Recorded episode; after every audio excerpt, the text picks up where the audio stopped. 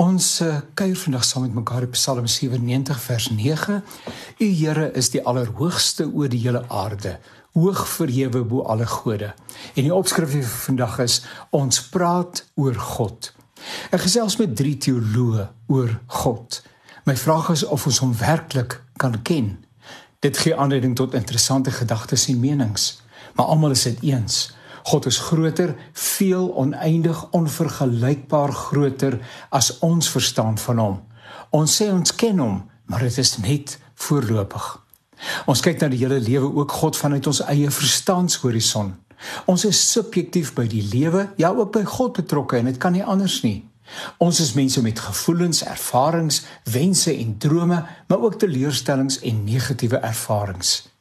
Iemand wat 'n negatiewe ervaring met sy aardse pa het, sal na alle waarskynlikheid iets daarvan aan God die Vader toedig.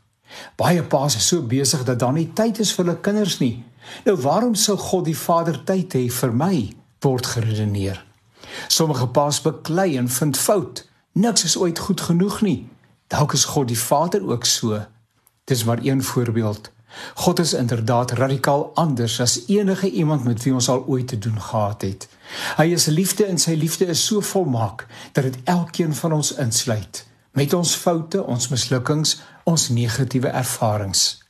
Terug by die vraag of ons hom kan ken. Nee, nie soos hy ons ken nie. Hy ken ons deur en deur. Die Bybel sê of ek sit of ek opstaan, U is met al my weë goed bekend. Psalm 139. Nog nie eers het 'n gedagte by my opgekom nie en die Here weet wat dit gaan wees. Onverstaanbaar en wonderlik. Die geloofsreis het dan juis daarmee te maak dat ek God beter en beter wil leer ken. Die bietjie wat ek kan ken. Ten einde dit 'n werklikheid te maak, moet ek my besig hou met dinge wat iets met die karakter van God te doen het.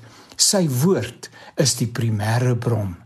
As ons dan net ten dele ken, Waarom is ons soms so arrogant om ander se muur af te skryf omdat hulle nie by ons verstaan in pas nie? Nederigheid, veral wanneer dit by die dinge van God kom, is altyd gepas.